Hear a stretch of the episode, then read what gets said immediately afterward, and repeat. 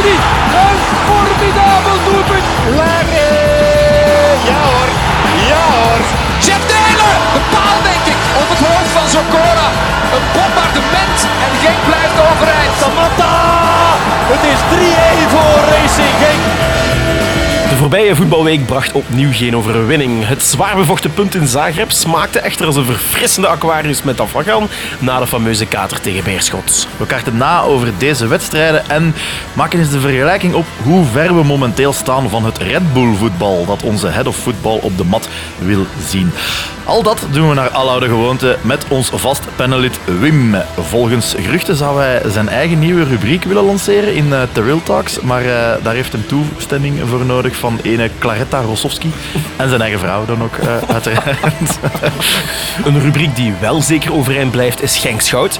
Theo beleefde afgelopen dinsdag vanaf de eerste rij hoe de Genkse U19 zich kwalificeerde voor de UEFA Youth Playoffs. MTK Budapest werd het kind van de rekening. Na een heerlijke vrije trap overeen van JD Geusens. 1-0 was ook meteen de eindstand. En van Geusens gaan we naadloos over naar Geuzes. Zo kunnen jullie, onze trouwe luisteraars, ons nog steeds tracteren op onze favoriete dagschotel via buymeacoffee.com slash. Hiermee helpen jullie ons de kosten van het maken van deze podcast te blijven dekken. We zijn jullie enorm dankbaar voor alle giften die we al hebben gekregen. Welkom beste Genkies, je luistert naar Terrell Talks.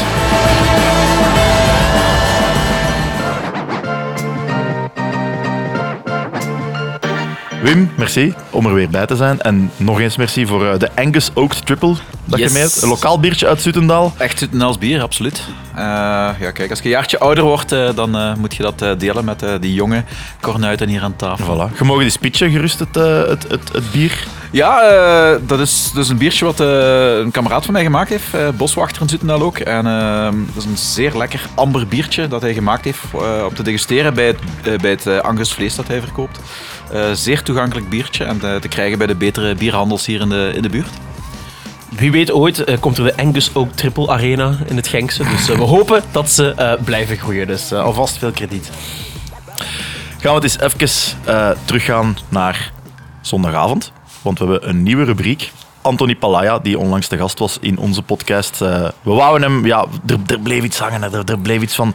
Ja, ik vond het zo'n komische aflevering. Hè. Hij- Hij was een beetje bescheiden. Hij zei van, ja, over voetbal echt zelf durf ik misschien toch niet altijd meepraten.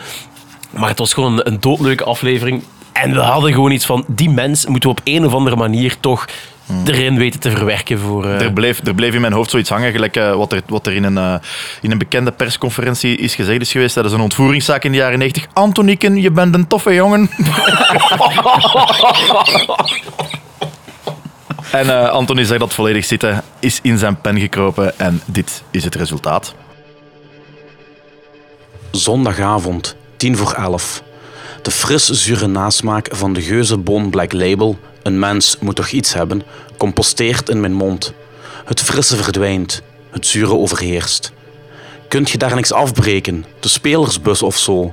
Stuur ik naar een onfortuinlijke vriend die in de krochten van het Olympisch Stadion van Beerschot zijn lamp ligt uit te zuipen. Geef hem eens ongelijk.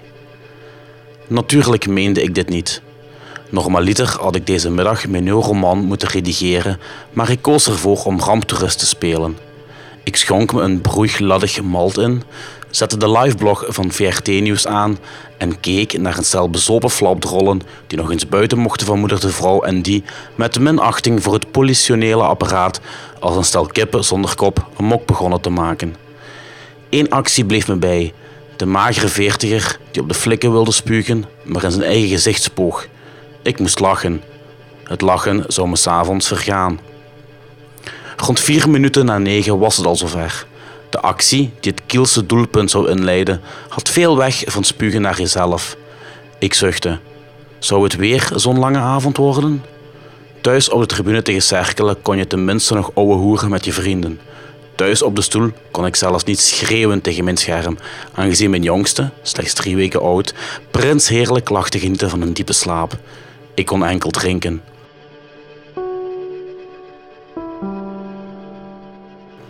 Had Johnny ook gedronken? Hadden de spelers gedronken? Goten ze hun kelen vol rode wijn? Slikten ze daarbij enkele tabletten tramadol? Ik zou het geslof, dat in schril contrast stond met het kookdelier van Beerschot-trainer Torrente, niet anders kunnen verklaren. Het werd een lange avond, waarbij het drinken van de gouden nectar slechts een schrale troost betrof die na het affluiten als een boemerang tegen mijn gezicht aanvloog. Weer al. De club die mijn hart vol scheidt. Weer al.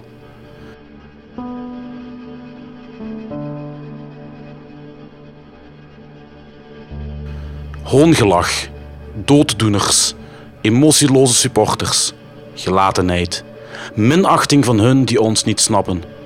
De beste stuurlui staan aan wal, zeggen mensen uit die laatste categorie. Wel, het is tijd om de schipper te bedanken voor bewezen diensten, willen we een zeemansgraf vermijden. Dit keer hebben we gelijk. We zien het allemaal. Alleen zien ze het in de toren niet. Vijf voor twaalf? De wijzers hangen reeds slap. De klok is om zeep. Mijn avond ook. Ik schenk me nog een brugladdig in.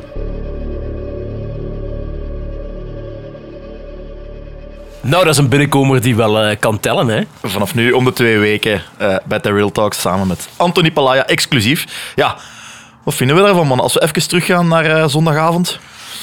Ik stuurde eigenlijk, eh, want dat vat eigenlijk eh, het stukje van Anthony best wel samen. Ehm, ik stuurde naar een kameraad. Eigenlijk is voetbalsupporter zijn 90% groot verdriet en 10% euforie. Ik denk dat we nu wel heel duidelijk in die 90% zitten. Ehm, dat is het gewoon. Hè. Het was, het was weer een prestatie waar dat je ja, waar dat je weer een, een aantal dagen slecht eh, van voelt. Gelukkig was het dan nog midweekvoetbal en dan gaat dat nog, eh, is, dat- is, dat iets sneller verteerd dan normaal. maar eh, nee, het was, het was weer huilen met de pet op, op alle gebieden. Is er, want we gaan dan vooruit naar de laatste wedstrijd tegen Dynamo, is er intussen wat meer ruimte voor optimisme? Ik vind het wel. En dit is wel de, de eerste positieve noot die er eh, vandaag gekraakt wordt. Ehm, en dat is gewoon het resultaat. Hè. Het voetbal was eh, slaapwekkend. Ik denk dat het een, eh, een kleine voetnoot zal blijven, die wedstrijd uit de Europese voetbalgeschiedenis. Maar de organisatie stond er. Ik weet niet of dat de invloed al meteen was van onze kersverse T2, eh Ridders Home. Maar we stonden ineens een pak eh, ja, georganiseerder. En eh, daardoor kwam Zagreb ook niet echt aan grote kansen toe. En eh, ja, uiteindelijk laat je het ook gewoon liggen, de winst. Ik denk ook met heel veel weemoed terug aan die vrije kopkans van, van Heine. Ja, die- daar had je de keeper op zijn minst tot een parade moeten dwingen. Maar ja, uiteindelijk vind ik dat je, dat je ja, toch wel een goed resultaat eh, behaalt. En ehm, ja, nog altijd die tweede plek in het vizier hebt. Maar dat mag niet wegnemen dat, we, ehm, dat dit slechts het begin is van het herstel. Maar alles behalve goed genoeg is voor, het, eh, voor wat Racing Genk moet zijn. Of waar het voor zou moeten staan. Ik wil even teruggaan naar de dag voor de wedstrijd. Toen ik eh, in Belang van Limburg las, en ik was daar wel, ik heb daar toch wel even van achter mijn oren gekrapt, dat John zei, ik heb de spelers niet om de boel om te gooien. En ja, mijn eerste gedachte was van, kom aan, je hebt de beste kern, arguably, die ooit... eh, En de breedste. bij Genk- en, en de breedste kern. Eh, hij heeft schrik om, om het, om het allemaal, allemaal om te gooien. Maar oké, kijk, we kregen inderdaad dan een wedstrijd ontdaan van spektakel, met toch enkele verrassende namen op het veld. Zijn daar uitblinkers bij? Als ik, als ik al een voorzet mag geven, Preciado. Ja, ik vond, vond Preciado heel erg sterk. Hè. Zowel verdedigend als eh, aanvallend eh, blonk hij wel uit. Was bij, nou, bij iedere gevaarlijke actie was hij ook wel betrokken. Ehm, ook heel attent verdedigend eh, vond ik ook zelf. Al, al moet ik er toch wel altijd bij zeggen van het moment dat eh, Dynamo, een van de weinige keren dat ze de 16 kwamen en Preciado in de buurt kwam, dat ik toch altijd even mijn hart altijd zo twee tellen oversloeg. Want eh, ja, hij durft wel zo'n eh, een Zuid-Afrikaanse, Zuid-Amerikaanse sorry, tackle in te zetten. Maar ik, vond, ik vond, vond hem absoluut heel goed invallen. Oegbo was, eh, was een andere eh, nieuwkomer. Die vond ik de eerste helft heel erg zwak. Ehm, heel weinig werkkracht. Eh, de looplijnen vond ik ook echt niet goed. Ehm, hij maakte het op slag van rust natuurlijk goed met, met een prachtig doelpunt. En in de tweede helft kwam hij er wel door. Heeft hij dan wel zich een aantal keren goed kunnen mengen in de debatten. Een aantal goede ballen gegeven ook. Dus ook voor hem uiteindelijk toch nog eh, met de hakken over de sloot eh, toch een geslaagd debuut. Ja, ik vond, eh, daar kan ik me zeker en vast bij aansluiten. Ik vond ehm Eiting en McKenzie dan wel de minste. Eh, Eiting, ja, die, hij vindt zijn plek niet in die, eh, die driehoek. Ehm, dat is iets wat we voordien ook al aangekaart hebben. Dat Heine, Rozovski en Eiting, dat dat een zeer moeilijke oefening is om die drie eh, in één ploeg te brengen. En eh, ik had een beetje het gevoel dat Eiting daar de, de, de exponent van was. Was echt niet, niet goed. Ehm, heel onzichtbaar. Ehm, Komt ja, ook van nergens, hè? komt ook effectief van nergens. Heeft weinig minuten vergaard. Vond ik ook vreemd dat je dan hem meteen in toch zo'n cruciaal duel eh, aan de aftrap brengt. McKenzie. ehm, heb ik ook wel wat goede dingen van gezien. Bracht verticaliteit in het spel. Dat is iets wat toch wel eh, veel mensen ontgaat. Want iedereen heeft het over zijn, zijn mistasten bij dat doelpunt. Hij bracht heel wat verticaliteit in het spel. Zeer goede pas, passing vooruit. Maar dat brengt ook wel risico's met zich mee. En eh, af en toe pakt dat verkeerd uit. En eh, ja, dat tegendoelpunt mag hij toch wel ehm, ja, achter zijn naam schrijven. Al vind ik dat Van de Voort ook beter kan doen. En dan voor de rest, ja, ik vond Oekbo ook wel iets beter spelen dan wat de, de gemiddelde mens vond. Ook in de eerste helft vond ik dat hij heel goed, ehm, ja, heel goed aansluiting vond met de rest van het spel. Eh, ik herinner mij een heel impressionante borstcontrole onder meer, eh, waarbij hij de bal perfect aflegt op een, eh, een van zijn medespelers die mee oprukt. En dan natuurlijk een fantastisch Karelis doelpunt eh, van Oekbo. Het niks scoort hij. En ik denk dat dat zijn grote kwaliteit is. Hè. Dus in de 16 eh, uit het niets toeslaan. Dus ik denk voor, eh, ja, voor Preciado en eh Oekbo. Die twee hebben zeker een goede beurt gemaakt. ehm, met komende zondag eh, in het perspectief. Maar eh, McKenzie en Eiting, dat wordt toch nog wel een, eh, een ander verhaal. Die gaan zich moeten herpakken. Waar dat er vooruitgang was te zien, vond ik, is de intensiteit in de duels op het middenveld. Ik vond dat we veel iets, iets hoger gingen storen en dat echt letterlijk er was een wil op het middenveld om de bal daar te, ver- te veroveren. Om, eh, om, om Dynamo niet te snel eh, bijvoorbeeld Orsic in, eh, in, in stelling te laten brengen. Hoog gaan pressen en dat pakte goed uit. Ehm, dus, dus nu durf ik wel te zeggen, ja, er was inzet, er was strijd. En wat op Beerschot bijvoorbeeld veel minder het, het, het, het, het geval was. En dan Het was voetballend wel beter tegen Beerschot dan bijvoorbeeld tegen Cercle. Dat wel. Voetballend heb me per se niet echt, echt geërgerd, maar we kwamen gewoon niet tot oplossingen. En, en het liep vooraan tig malen mis. Ja, ik ben heel erg benieuwd nu de wedstrijd tegen Brugge, want eh, tegen Cercle en, en, en, en tegen Beerschot waren het eigenlijk... Ja, Cercle heeft hier wel eh, willen voetballen, daar kwamen op zich... Maar eh, nu tegen Beerschot en tegen Dynamo waren eigenlijk alle twee statische ploegen, want ik vond Dynamo heel statisch spelen. Eh, zitten ook niet in de juiste flow. Dus, maar goed, ben het daarmee akkoord. De, de, de, organisatie stond er. Eh, we gaven niks weg. En dat, dat doelpunt dat kwam dan eigenlijk nog per ongeluk eh, uit, uit, uit de lucht gevallen. Als we daar een beetje fatsoenlijk verdedigen, dan, eh, dan winnen we die wedstrijd denk ik altijd. Want eh, ze hebben voor de rest niks klaargemaakt. En op laatste die kans van Bongonda en misschien ook wel van eh, Pijnsel, die mogen misschien ook wel tegen de netten. Ehm, en zeker op, op, op het Europees toneel. Nee, maar inderdaad, ik, ik, ik zie gewoon dat onze eh, keyspelers op dit moment gewoon niet in vorm zijn. En een Ito bijvoorbeeld, eh, die speelt altijd wel zijn wedstrijd. Ook eh, op Zagreb was die, was die oké. Maar je merkt tegen Beerschot en je merkt nu tegen Zagreb ook weer, die, die, die zit tegen zijn limiet aan. hè. Die is vermoeid. Maar er is ook geen alternatief. Of John ziet het alternatief nog niet. Ja, ik denk, dat het, ik denk eerder dat dat het probleem is. Hè. Ik- Je kan Ito... Ja, nu tegen Brugge ga je die nooit laten rusten, dat geloof ik nooit. Eh, het- maar het zijn weer twee wedstrijden wat hij, wat hij mee op zijn teller gaat moeten pakken. Maar tegen Beerschot of tegen Cercle had hij eh, tegen Beerschot, toen kwam hij rechtstreeks van de vlieger eh, af. Eh, dus, eh, is een Japanse maat van, eh, van Union, zijn naam ontschiet mij, is ook niet zo gemakkelijk. Miet, Miet, Tomea? Nee, dat is, eh, dat is Mi- mi- eh, mi- Mitoma. Mitoma, ja. ja, eh, die had hetzelfde traject gedaan en die houden ze op de bank omdat hij omdat die niet fris was. eh, rechtstreeks naar de vlieger komt. Dus daar stoor ik me wel een klein beetje aan. Je hebt wel degelijk, denk ik, eh, alternatief. Je kan Pijnsel op rechts zetten, je kan met Mongonda schuiven, Je kan Tresor, brengen. Ooyen. Dus er, zijn, er zijn alternatieven, je moet ze ook durven brengen. En ik denk dat dat samenvalt met het feit dat die grotendeels op de bank zitten. Met één groot gemis, wat ik ook heb in ons spel. Al, Ik, heb, ik mis veel dingen in ons spel. Maar één op één dribbelduels. Dat de tegenstander wijkt, dat die naar achter kruipen. Één op één, man, man, man op man. Paintstil doet dat een beetje. Een Theo in vorm doet dat een beetje. Ik verwacht zoiets van Tresor en ik verwacht zoiets van... Oh ja, maar drie van die vier gasten zitten op de bank. Ja, en dat is eh, wat ik ook reeds aangehaald heb. Ehm, ja, in het Olympisch Stadion tegen West Ham. Ehm, ja, oké, je kijkt op dat moment tegen een 2-0 achterstand aan, maar Ooyen en Tresor komen in en die doen dat wel. Ik herinner mij een actie eh, van Tresor toen, in de laatste minuten, die vertrekt vanaf, eh, vanaf eh, de middellijn en die dribbelt daar heel vlotjes eh, drie, vier man en die is op weg, alleen op weg naar doel.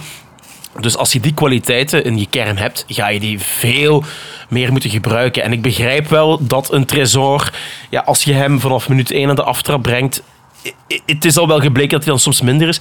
Maar tegen mindere goden als Cercle Brugge ehm, bijvoorbeeld, of Beerschot, laat zo'n jongen toch eens starten.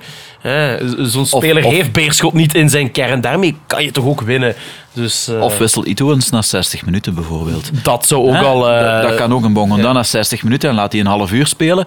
Dan laat je één de spelers rusten en je geeft aan de, aan de, aan de invallers ook de kans om, om, om zich te bewijzen. Want op vijf minuten... En ik ben sorry. heel benieuwd als je Bongonda op rechts zet, als hij naar binnen kan knijpen en Ja. als hij een linker kan draaien. Ja, die heeft wel een best een goed afstandsschot. Ja, ja eh, ik, ik, weet, eh, ik weet vorig, begin vorig seizoen deed hij dat constant, wisselde hij met Ito. Op een gegeven moment is hem dat verboden geweest, want hij deed dat dan, daarna nooit meer. Dus hij kan dat wel degelijk. Ja. Misschien nog één ding over de wedstrijd tegen Dynamo Zagreb. Ehm, of gewoon over Dynamo Zagreb zelf. 1 op 6 tegen die ploeg, toch wel te weinig, hè? Ik, ik, ik krijg altijd heel moeilijk hoogte en dat is elk jaar opnieuw van Dynamo Zagreb. Dat is een van de opleidingsclubs van, eh, van Kroatië. Ze hebben talent te koop. eh, slagen er ook wel meestal in om wat, om wat namen die meerwaarde brengen in hun kern naar hun toe te trekken. En het ene jaar zijn die geweldig. Hè. Herinner u dat, dat jaar met eh Guardiol, Olmo en dergelijke? Dan waren die werelds. Dan hadden we daar nooit, nooit, nooit van gewonnen. Maar in een jaar als dit, denk ik inderdaad, als, als, als wij hier... eh, wat was wat, ja, onze prestatie wat anders Heel naïef ons niet gevoetbald laten. Ja, minder naïef. Dat, dat is We hebben heel naïef gevoetbald toen. En, en zij hebben daar volledig gebruik van gemaakt. Twee, eh, een van die twee penalties was ook vederlicht. Mhm. Eh, dan, dan, dan, ja, in het slechte geval haalt hier dan een boef. Maar Ginder moet je eigenlijk altijd gaan winnen. Ja, want- Desalniettemin snap ik wel de mensen die zeggen: Oké, ik ben wel tevreden met dit punt. Want at the end of the day, ja, je hebt nog altijd. Je gaat nog altijd de kans ja. dat je gaat overwinteren is goed. En of dat, ik, ik overwinter ook veel liever in, in de Europa League dan in de Conference League. Maar beggars can't be choosers, helaas. Mhm, inderdaad. Ehm, dus desondanks moet dit niet de norm gaan worden met het spelerspotentieel dat voorhanden is. Het moet inderdaad, en 1 Moet op 6 beter. is dan gewoon veel te weinig tegen te dit weinig. Dynamo. En ik heb ook gewoon eh, inderdaad genoteerd, hè, Orsic, Ivanovic en Petkovic mogen me altijd geven. Maar de rest van de ploeg werd ik niet echt warm van. Vond ik ook veel, veel atletische voetballers, dat wel technisch begaafd. Maar ook inderdaad statusvoetbal, zat weinig schwung in. Geen hoog tempo, ze hielden niet Ze van hoog tempo. twee kwartier hebben ze dat eens gedaan. Op de laatste kwartier van de eerste helft Ja, zijn ja, beginnen tikken en dan zag je meteen dat we nergens meer waren. Ja. Hè? Ja, maar was dat ook niet voornamelijk in het kopje? Je slikt Ja, dan weer die die 1-0. 1-0. En dat is, dan- dat is dan type Schenk gewoon. Omdat ik- het kaartenhuisje dan in elkaar stuikt. Had je ook tegen West Ham, krijgt er ook gewoon Ik wil het andersom tegen. ook eh, draaien. Ik denk als, eh, Ja. als Genk draait, dan kan dit Dynamo ook nooit volgen. En Ja. ik vind in de heenwedstrijd zaten echt de omstandigheden ook een klein beetje bezig. Ik vond ons spel toen eigenlijk niet slecht. We komen op het verkeerde moment eh 1-0 achter. Ehm, en dan ja, die tweede helft, ja, dat was dan helemaal eh, hè. ja, over en out. Dus ik, daar, daar zaten de wedstrijdomstandigheden tegen. Dat kan af en toe gebeuren. Dat was tegen Beerschot misschien ook wel het geval. Hè? Eh, het was zeker een, eh, geen goede prestatie, maar in een normale eh, seizoen dat je een beetje in de flow zit, dan win je daar toch nog met, eh, met, met twee, drie golen verschil.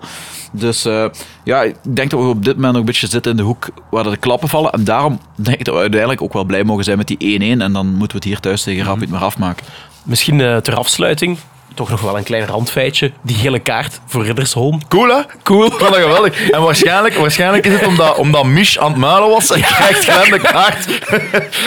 Ik vond, ik vond het ook heel raar. Eh, de, de man zit er heel verbouwereerd bij. Wat dan nu? Ik heb wel ooit eh, gelezen, natuurlijk, mijn Deens is niet zo goed, maar vertaald vanuit, eh, vanuit de lokale media, dat het wel een temperamentvol baasje kan zijn, Riddersholm. Dat, het een, heel, dat het een kuitenbijter is. Alleen niet letterlijk. Het zou raar zijn dat die mensen ineens zo in hun kuit te bijten. Maar, maar, maar nee, maar, maar heel, heel raar. En, en ook weer Angus oogt. ja, misschien ook wel heel typerend dat hij dan geel neemt. Maar ik, ik vond zijn, zijn blik eh, toen de camera eh, op, op hem stond, vond ik gewoon goud waard. Van, wat heb ik hier nu gedaan met dat brilletje zo? Precies Ja, Guido van het eiland, zo van Marali. dus eh, ik dacht, ik zeg het maar even. Ik vond het grappig.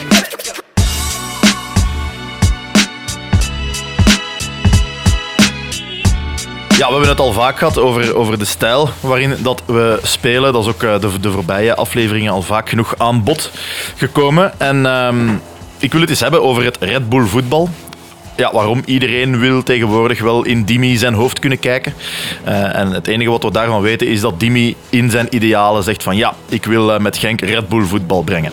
En een kleine disclaimer, die Red Bull teams, ik haat die met een passie. Wat die doen met het, met, met, met het voetbal en de manier waarop eh, kan ik niet goedkeuren. Dat, dat, staat, dat kan niet verder staan dan hoe ik denk, eh, dan hoe de, rom, de romanticus, de voetbalromanticus in mij denkt over, eh, over voetbal.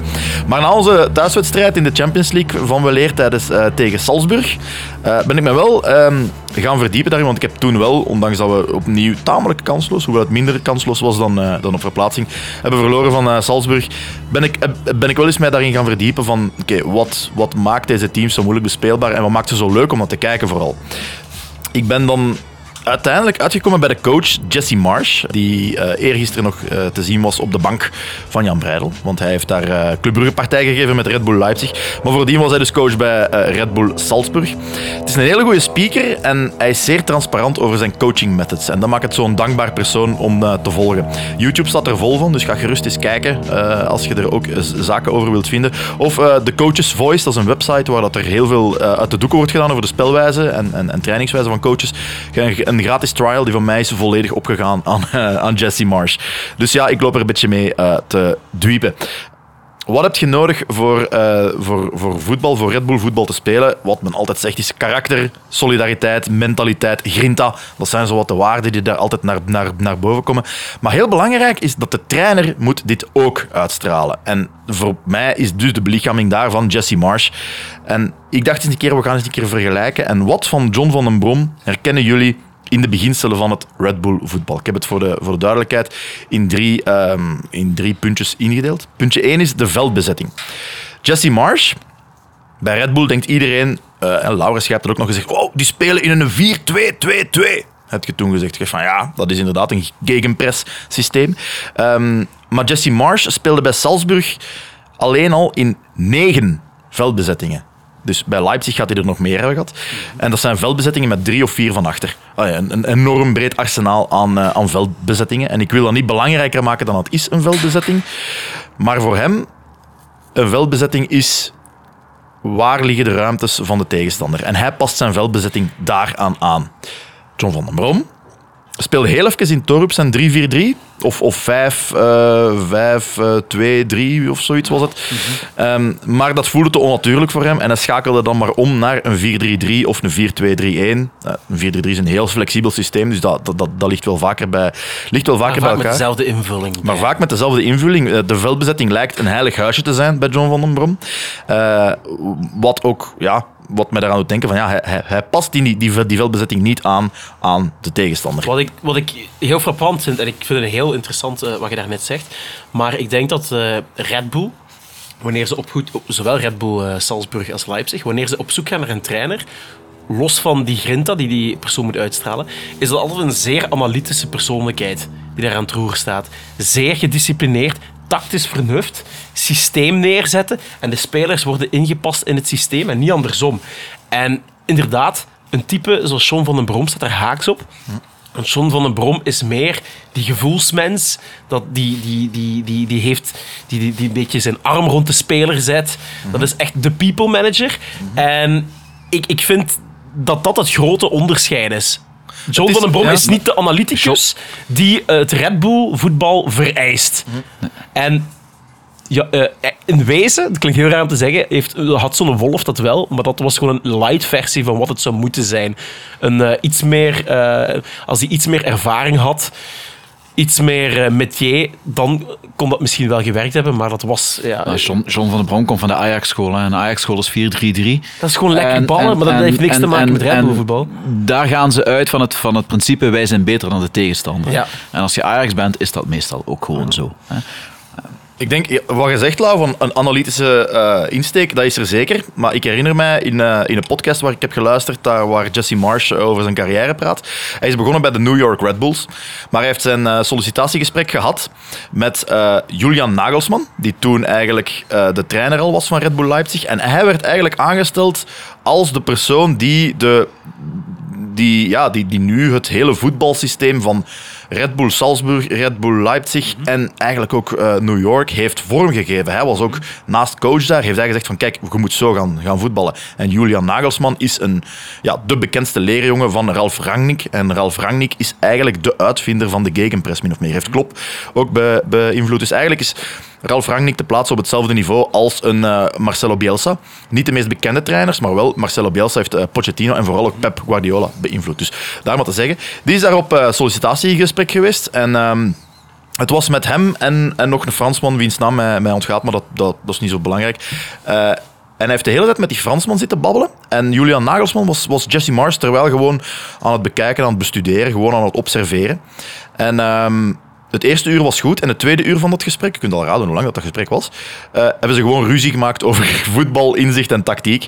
Jesse Mars komt thuis en zijn vrouw. En hoe was het? Ja, dit gaat echt niks worden. Half uur later krijgt hij een bericht van de CEO van New York Red Bulls. They loved you. Dus om maar te zeggen, inderdaad, eh, de ideeën staan bovenop alles. De, het, het, niet van die speler is best in die rol, die speler is best in die rol. Nee, het systeem is heilig, de manier van voetballen is heilig en we gaan de spelers zo vormen dat ze daarin passen. Dat is eigenlijk, eigenlijk is dat ook niks wereldschokkends. Maar daarnaast is, en daar ga ik eigenlijk eh, straks nog toekomen, is Jesse Marsh enorm bedreven in het motiveren van zijn spelersgroep en in buy-in creëren of, of mutual agreement creëren bij zijn spelers om te zeggen van dit is het systeem, willen jullie daar allemaal voor gaan? En zijn spelers willen stuk voor stuk door een muur lopen voor hem. Brengt mij al stilletjes aan richting het tweede punt, wat heel belangrijk is en misschien wel het meest opvallende aan het Red Bull voetbal, pressing. Jesse Marsh ontwikkelde bij, bij eh, Salzburg het SART-systeem. Dat is een afkorting, S-A-R-D. De S staat voor sprinting, sprinting wat ja, op de intensiteit van de press. eh, ze, ze joggen er niet naartoe, ze sprinten echt naar de speler die in balbezit gaat komen. De A staat voor alle gemeinsam, is Duits voor allemaal samen, want ze willen dat het hele team samen prest. Eh, wanneer de press begint, moet dit samen gebeuren. Dan de R staat voor reingehen, dat is Duits voor erin vliegen. Dus niet op de speler af, af, aflopen en een meter of een halve meter voor hem stoppen. Nee, je gaat om de bal te veroveren. Be- niet met been vooruit, maar je gaat intens het duel aan. Je, je, je, commit u all the way om hem te pakken. En dan de D staat voor dazukomen. En dat is Duits voor er, er komen, er geraken. En dat is de tweede golf in de press. Je gaat altijd zien dat er een tweede golf is, meer aan de buitenkant, die tijdens de press de passing lanes, de, de, de passing lanes afsnijdt. En dan is er nog zo een begrip zoals de cover shadow. Wat eigenlijk is, je moet je dat inbeelden dat er een schaduw valt achter de speler. En hoe dichter die speler bij de bal komt, hoe groter dat die schaduw wordt. Hè. Beeld u in dat de bal dan een lamp is. Dat is eigenlijk de, de cover shadow. Heel moeilijk om auditief uit te leggen, maar ja, dat is hoe het, eh, hoe het werkt. Ehm, en dit doet hij dan samen, dus het SARD-systeem, samen met het creëren van waanzinnig goede groepsgeest. Ik zeg het, hij is een meestermotivator.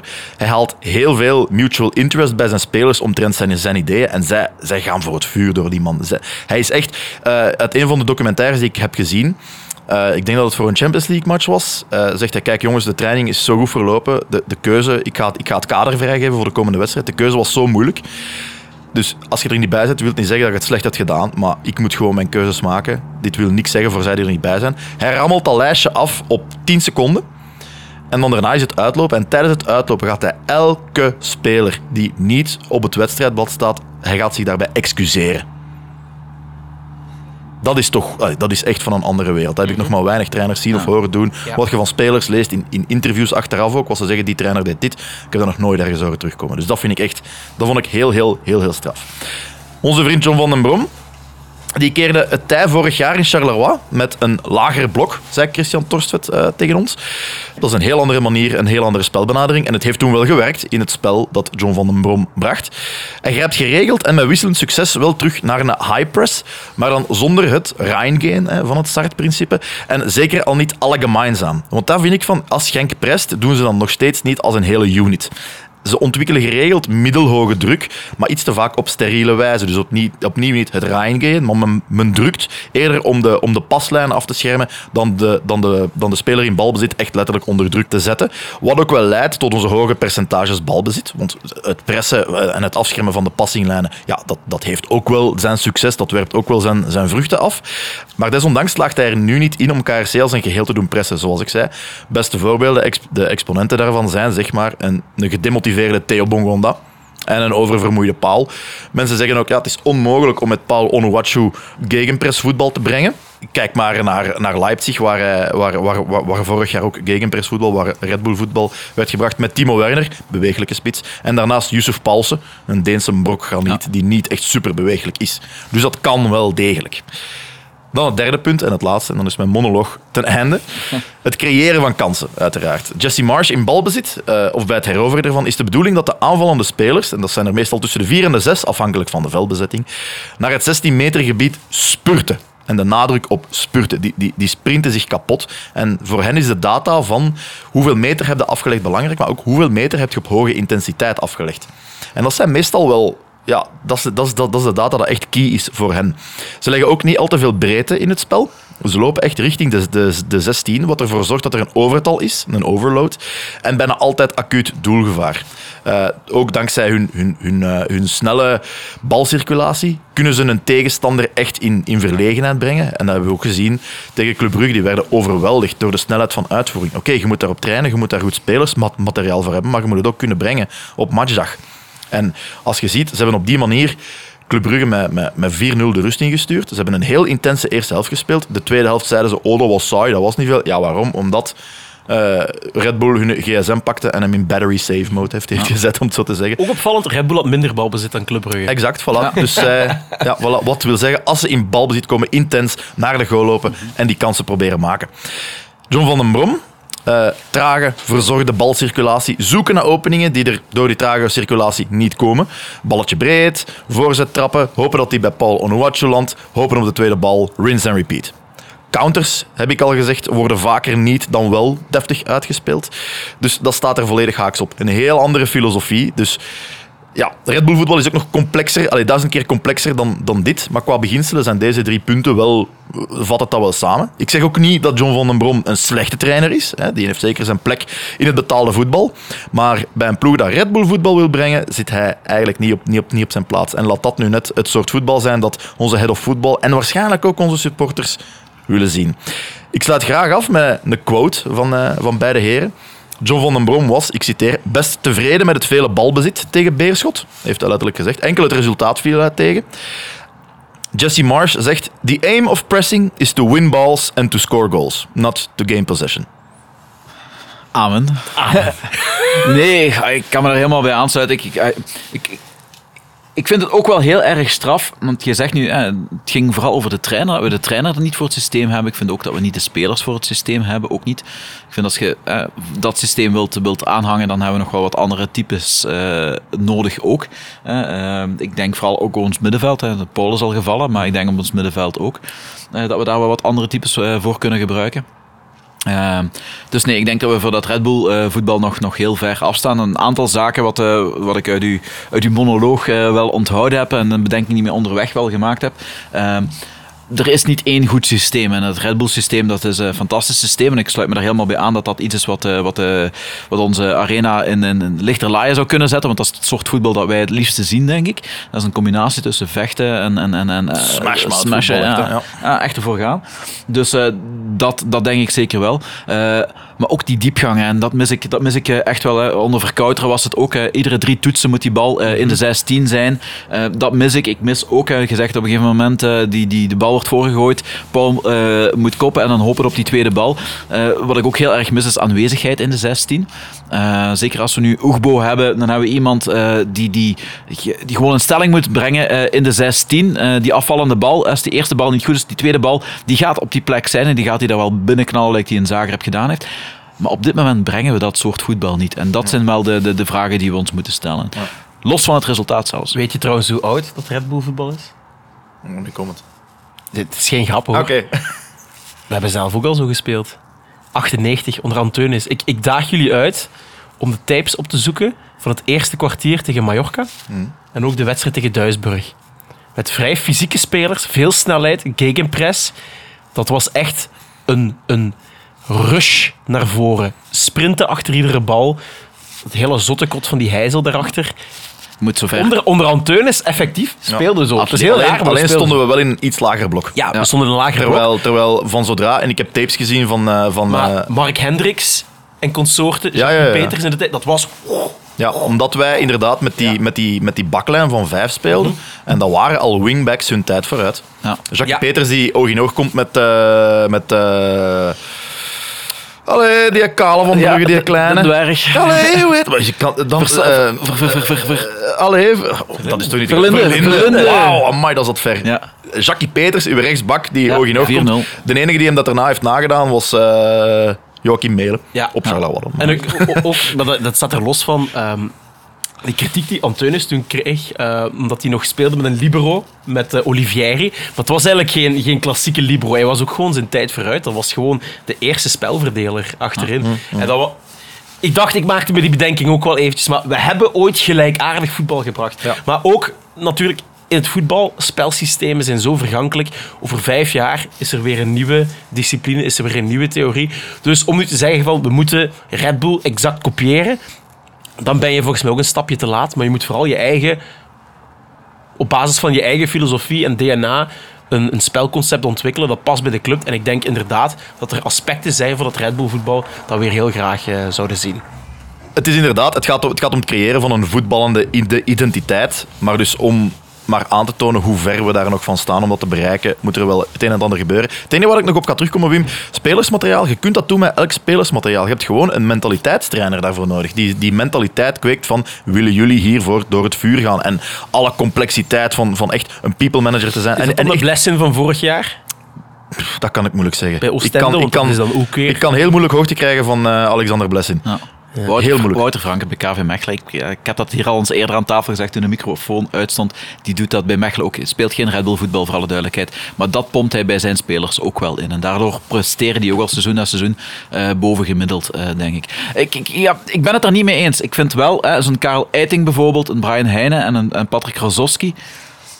Dat zit niet in hun spel om vol in dat duel te gaan. Dat zit daar niet in. Het zijn metronomen. die kunnen, die, die, kunnen, die, kunnen dat, die kunnen dat proberen. En, en, maar je hebt altijd, hè, zondag eh, hebben we zo iemand als Eder Balanta eh, tegen ons. Daar zit dat, dat zit in de genen. Hè, daar. En dat missen we een klein beetje. Ik zeg niet dat het allemaal eh, spelers moeten zijn, zoals een de Mano Carigianas vroeger, die, die eerst met de voeten vooruit gaat en dan... nee, nee, maar een goede mix is, is, is, is, is wel nodig. Ja, ik denk dat uh, Jeffke Delen nog vrij is. Uh, misschien interessant met het oog op de Ja, toekomst. alleen maar als we de reporter van toenmalig... Jos Willems. Jos Willems, als we Jos Willems ook eh, terugkrijgen. Dan. Een geweldig doelpunt hier van Dieter En dan dat, dat liedje op de achtergrond op radio. Ja, en dan zag je daarna de beelden terug en van zo'n holder de bolder goal. Die geweldig. Het kuipje staat in lichterlaai. Zo drie man met hun schal achter die goal. Ja. Tijden toch. Eh, nog wel veel, veel meegemaakt. Maar goed heren, dan gaan we toch wel eventjes doorschaatsen naar de volgende rubriek. Want er komt een heel belangrijk tweeluik aan tegen Club Brugge.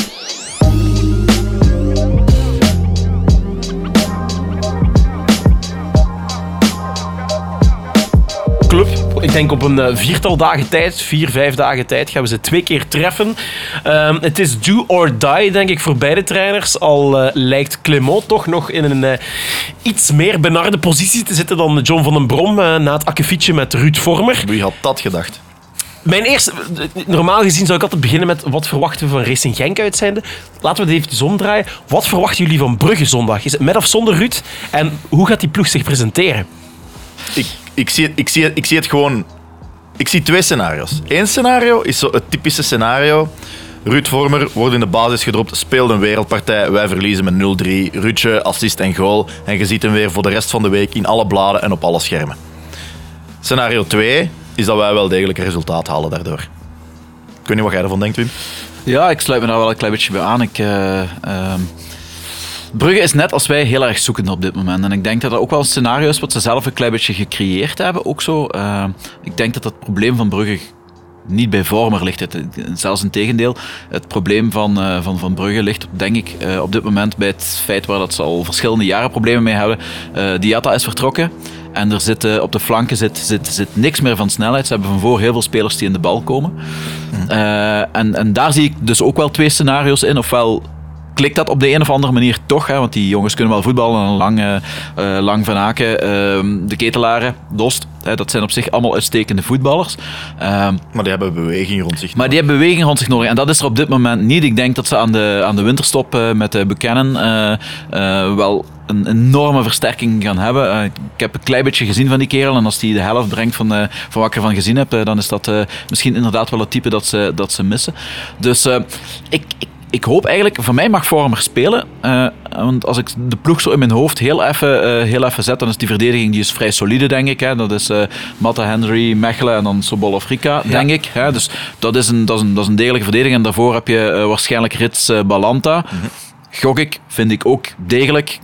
Kan ze alle twee niet zien voetballen. Vooral Mats Rits niet. Maar eh, twee goede voetballers en ik denk dat dat allemaal wel oké is. En dan heb je daarvoor Van Aken. Maar dan, dan dat trio er, er rond, eh, dat, dat zal een beetje afwachten zijn. Lang speelt altijd, speelt niet zijn beste wedstrijd op dit moment. En dan eh, in de spits zet je ofwel de ketelaren, ofwel Dost. En dan is het aan de linkerkant. En kan dan eh, van eh Vormer inbrengen die die van rechts inbrengt. Ik snap dat Clement dat op dit moment niet doet. Want eh, eh, z- als je Vormer de, de flank moet gaan laten aflopen, dan eh, volgt op het middenveld zijn, zijn, zijn, zijn mannetje al niet meer. Dus eh zwijg stil dat hij dat op de flanken gaat doen. Dus ik verwacht hem eigenlijk niet. Ik verwacht eigenlijk eh eh, Soa terug in de ploeg en eh, de ketelaar of Dost in de spits. Die, die Soa heeft er nog geen goede wedstrijd gespeeld voor Club. Nee, nee. Verrassend, hè? want bij, bij, bij OHL was dat prima. Maar oké, OHL moet inderdaad weer uit de reactie spelen. Club moet domineren. Vreemd. Ja, dat speelt vaak mee. Ehm, ja, misschien toch nog eh, een vraagje. Wat zouden jullie doen? De bal aan club geven of net niet? Dominant speel zoals tegen West Ham. Met in achting genomen natuurlijk wel dat je een eh, terugvlucht hebt gehad uit Zagreb. Kruipt ook niet in de, in, in de, in de, in de kleren. Dus, Dat- eh, je- je beantwoordt de vraag eigenlijk al zelf. Ik zou idealiter durven aanvangen zoals we tegen West Ham hebben gedaan. Maar het heeft heel veel energie gekost. Ook achteraf hebben we dat gezien. En, en inderdaad, als de, als de tank nu al niet meer eh, helemaal vol zit, op die manier gaan spelen tegen Club, denk ik dat we inderdaad wel een bepaald gameplan moeten hebben. En, en dat, dat bestaat ook wel. hè. Ze hebben zeker wel gameplan van eh, maar een gameplan waar je je energie doseert op bepaalde momenten. Maar dan moet je natuurlijk wel tactisch, eh, niet fel, maar zo een paar, een paar rollen van de spelers een beetje omswitchen van en nu gaat je dit doen en nu dat. Om je energie zo efficiënt mogelijk te spenderen. En voor de rest denk ik inderdaad dat we, de- dat we het meeste resultaat gaan halen als we de, als we de backs, Sobol en Matta van Brugge, als we die eh, toch een beetje kunnen lamleggen. En dan kijk ik vooral naar onze flanken. Ito en Theo, die gaan er zeker moeten in bijdragen. Want eh, Wim heeft al aangehaald, er moet beweging zijn. En die beweging, eh, het grote gevaar van club komt nog steeds van, van, van een Sobol in vorm, Rika en vooral Matta. Ja, die doen club ook echt draaien. Haal die uit de wedstrijd en dan kun je misschien, mede dankzij het middenveld dat momenteel geen opties vindt, kun je wel een resultaat halen. Het gaat wel bibberen worden als ze voor de goal komen, als ze van die zwiepers beginnen, beginnen droppen. Want ze zijn heel gevaarlijk in de 16 meter. Op die manier kunnen we wel een resultaat halen en, ge- en geloof ik er ook echt wel in. Maar gescoord gaat er sowieso worden. Hè? Want als je kijkt naar de statistieken van de laatste jaren. Ja, Genk Club Brugge, dat is altijd een waar doelpuntenkermis. We, we hebben hier al gehad 4-2, 4-1. De clash is het 3-2. nu genoemd, hè? Ja, het is de clash KFC. genoemd. Dus ehm, ja, Wat ik trouwens heel cool vind, heel cool filmpje. En Genk dat... Dat, eh, allee, de, de communicatiedienst van Genk die zegt van kijk, dit, dit zijn de twee beste teams van het, allee, of de twee grootste clubs van dit moment, laten we zeggen, eh, van. België tegen elkaar. En ze noemen dat de clash. En inderdaad, is ook het- zo sportief. Is het de clash? we hebben daar goede en slechte herinneringen aan, maar die, wat, die, die wedstrijd is altijd spektakel. Het is En altijd heel spektakel. goed, heel goed ingespeeld van de, van de Inderdaad. En ook gewoon, inderdaad, vroeger had je de hege- hege- hegemonie, excuseer. Brugge Anderlecht. De laatste jaren is het eigenlijk gewoon Genk Brugge een beetje geworden. Genk Brugge, ja. ja In Gent, in Gent gaan ze tegenspreken. Ja. Eh, ik, ik, ik, wil, ik, wil, ik wil wel nog heel even terugkomen over het feit hoe pakken ze aan. Goh, ik zou neigen naar toch echt... eh, ik zou een beetje op de lotto willen spelen en ik zou echt in het begin gewoon alles kapot proberen te, te pressen en te spelen en hopen dat je in dat eerste kwartier scoort, dat je het publiek mee achter krijgt. En Goed dan, pakt, dan, dan, pakt, de- dan pakt de adrenaline het wel over, denk ik, van de vermoeidheid. Eh, maar als we afwachtend gaan voetballen, ja, dan heb ik ook tegen dit Brugge schrik. Eh, dus ik, ja, ik zou er echt gewoon vol voor gaan en, en, en, en hopen dat deze keer de bal eens aan de goede kant van de paal valt. Ja. En ik had nog genoteerd dat ik eh, Ruud Vormer wel in de basisopstelling verwacht. Omdat hij al meer rust heeft gekregen dan de gemiddelde inwoner van Herfstvreugde in Genk. Dus dat was het laatste wat ik Dezelfde daarover- leeftijd ook. Ja, dezelfde leeftijd ook. Dus.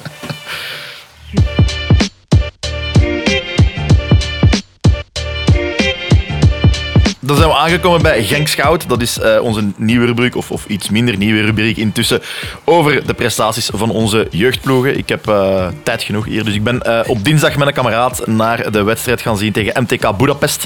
Eh 1-0 gewonnen. Match, matchwinnaar JD Geusens vanuit het dorp waar ook Angus Oak Triple wordt gebrouwen. Ja, nooit in de problemen gekomen, heb ik de indruk. Ehm beste van het spel gehad. Eh Budapest kon enkel vooral dreigen met, met, met eh, balkjes over de top naar hun twee grote spitsen. Ook een aanpak gelijk een andere. Eh, maar Genk altijd de, de voetballende op, oplossing zoekend. Van achter stond het echt als een, als een huis.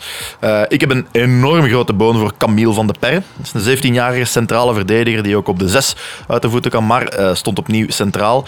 Die heeft naar mijn mening foutloos gespeeld. Qua, zowel qua ingrijpen als qua positionering. Eh, winnen van duels en uitverdedigen was dat voor mij een dikke 9 op 10 voor die jongen. Echt enorm goed. Eh, maar daarnaast, en dat is misschien logisch door de leeftijd dat dat we meer opviel, Madi Monamai. De, de- die loopt school waar mijn, eh, waar mijn vrouw ook les geeft. Ehm, maar dus een 15-jarige knaap, eh, ook, cen- ook zijn centraal van achter, die zich heel goed kweet eh, van zijn taak. Ehm, 15. Dat is echt 15 en doe mee met de U19 op dat niveau. Dus eh Maddy Monemai, onthoud die naam zeker, want dat wordt nog een hele grote.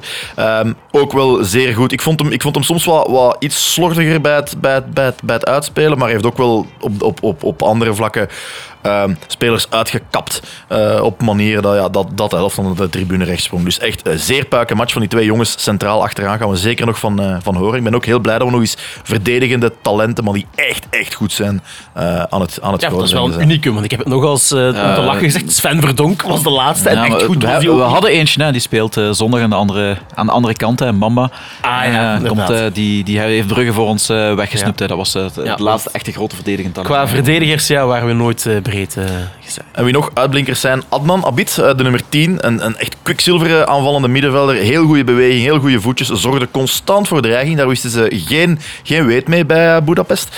En dan eh, uiteraard ook bij de uitblinkers. Maar die speelt daar misschien wel een beetje boven zijn kunnen. Al zijn acties lukten. Was niet altijd even, even besluitvol op doel. Maar dat is misschien nog wel een van zijn werkpunten. Maar qua beweging, qua acties, qua dreiging was, was Luca altijd daar. Gedurende de hele match tot nog helemaal op het einde.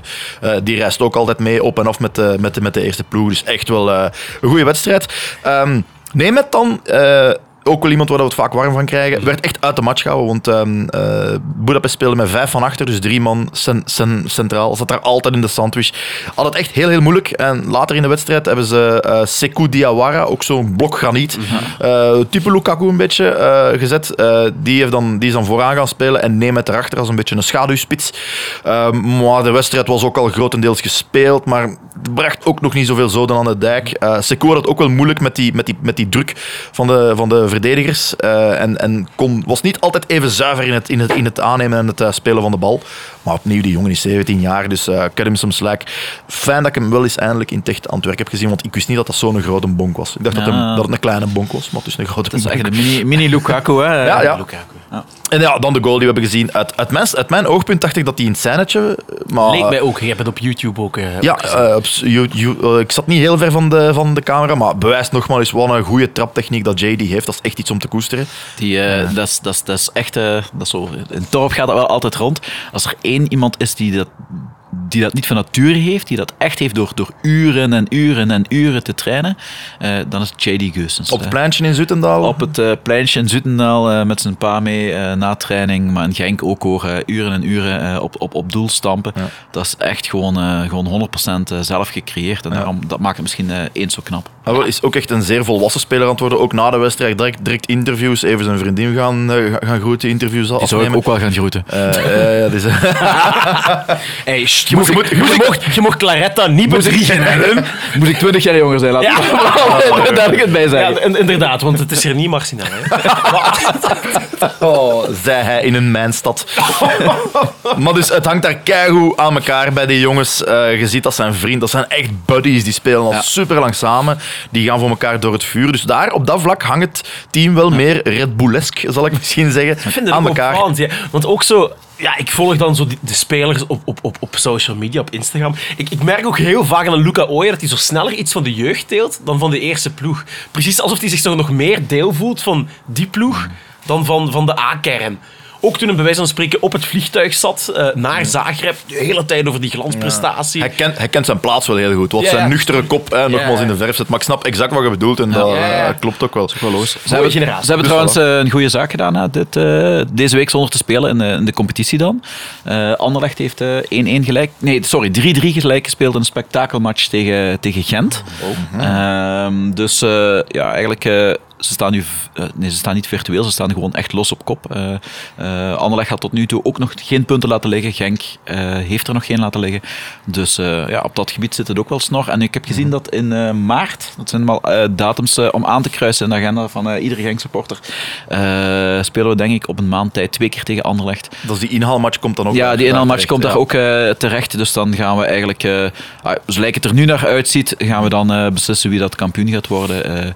Bij de eerste vier, dat is bijna onmogelijk dat we die trein missen. Dan moet er echt al heel veel fouten Ja. in lopen. Ik denk Hans Somers en, eh, en zijn staf heeft het daar Ja. heel goed in de hand. En met, eh, met zeven man op één been gaan spelen en zo. Dus eh, ik, ik denk dat dat wel, dat dat wel in orde komt. Maar dat zijn wel heel leuke datums om aan te kruisen. Net als Februari, in februari. In februari spelen we ook voor de, ja, spelen we dan in de volgende ronde. En daar gaan we uitkomen tegen de nummer 2 uit de groep van de Champions League. Dat zijn dan teams à la Ajax. Dus dat is nog een orde groter. Ja, wie weet kunnen ze daar wel tegen verrassen. En Brugge, die, ja, moet gezegd, doen het Ja. deden Zeer zeer, goed. hè. Echt goed. Dus eh, ik denk dat de toekomst er ook zo gaat uitzien.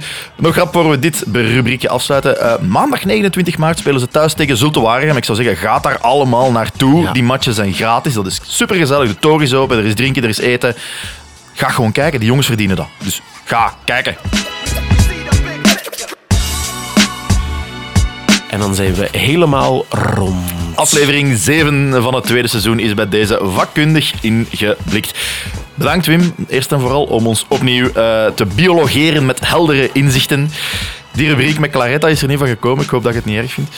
Nee, nee, nee. Kijk, dat is nog iets voor de volgende keer om naar uit te kijken. Ja, hopelijk blijft je eh, voldoende gemotiveerd om volgende keer op nog eens eh, van de partij te zijn. En ook jullie bedankt, beste luisteraars, om opnieuw talrijk in te tunen. We zijn momenteel aan het hengelen naar een nieuwe centrale gast, dus blijf ons zeker volgen op sociale media om te ontdekken welke klepper we op over 14 dagen mogen verwelkomen.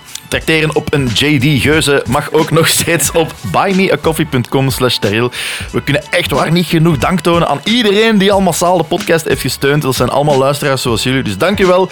Blijf dat vooral doen, want elke euro helpt ons vooruit. Maar voor nu, bedankt voor het luisteren. En tot de volgende The Real Talks.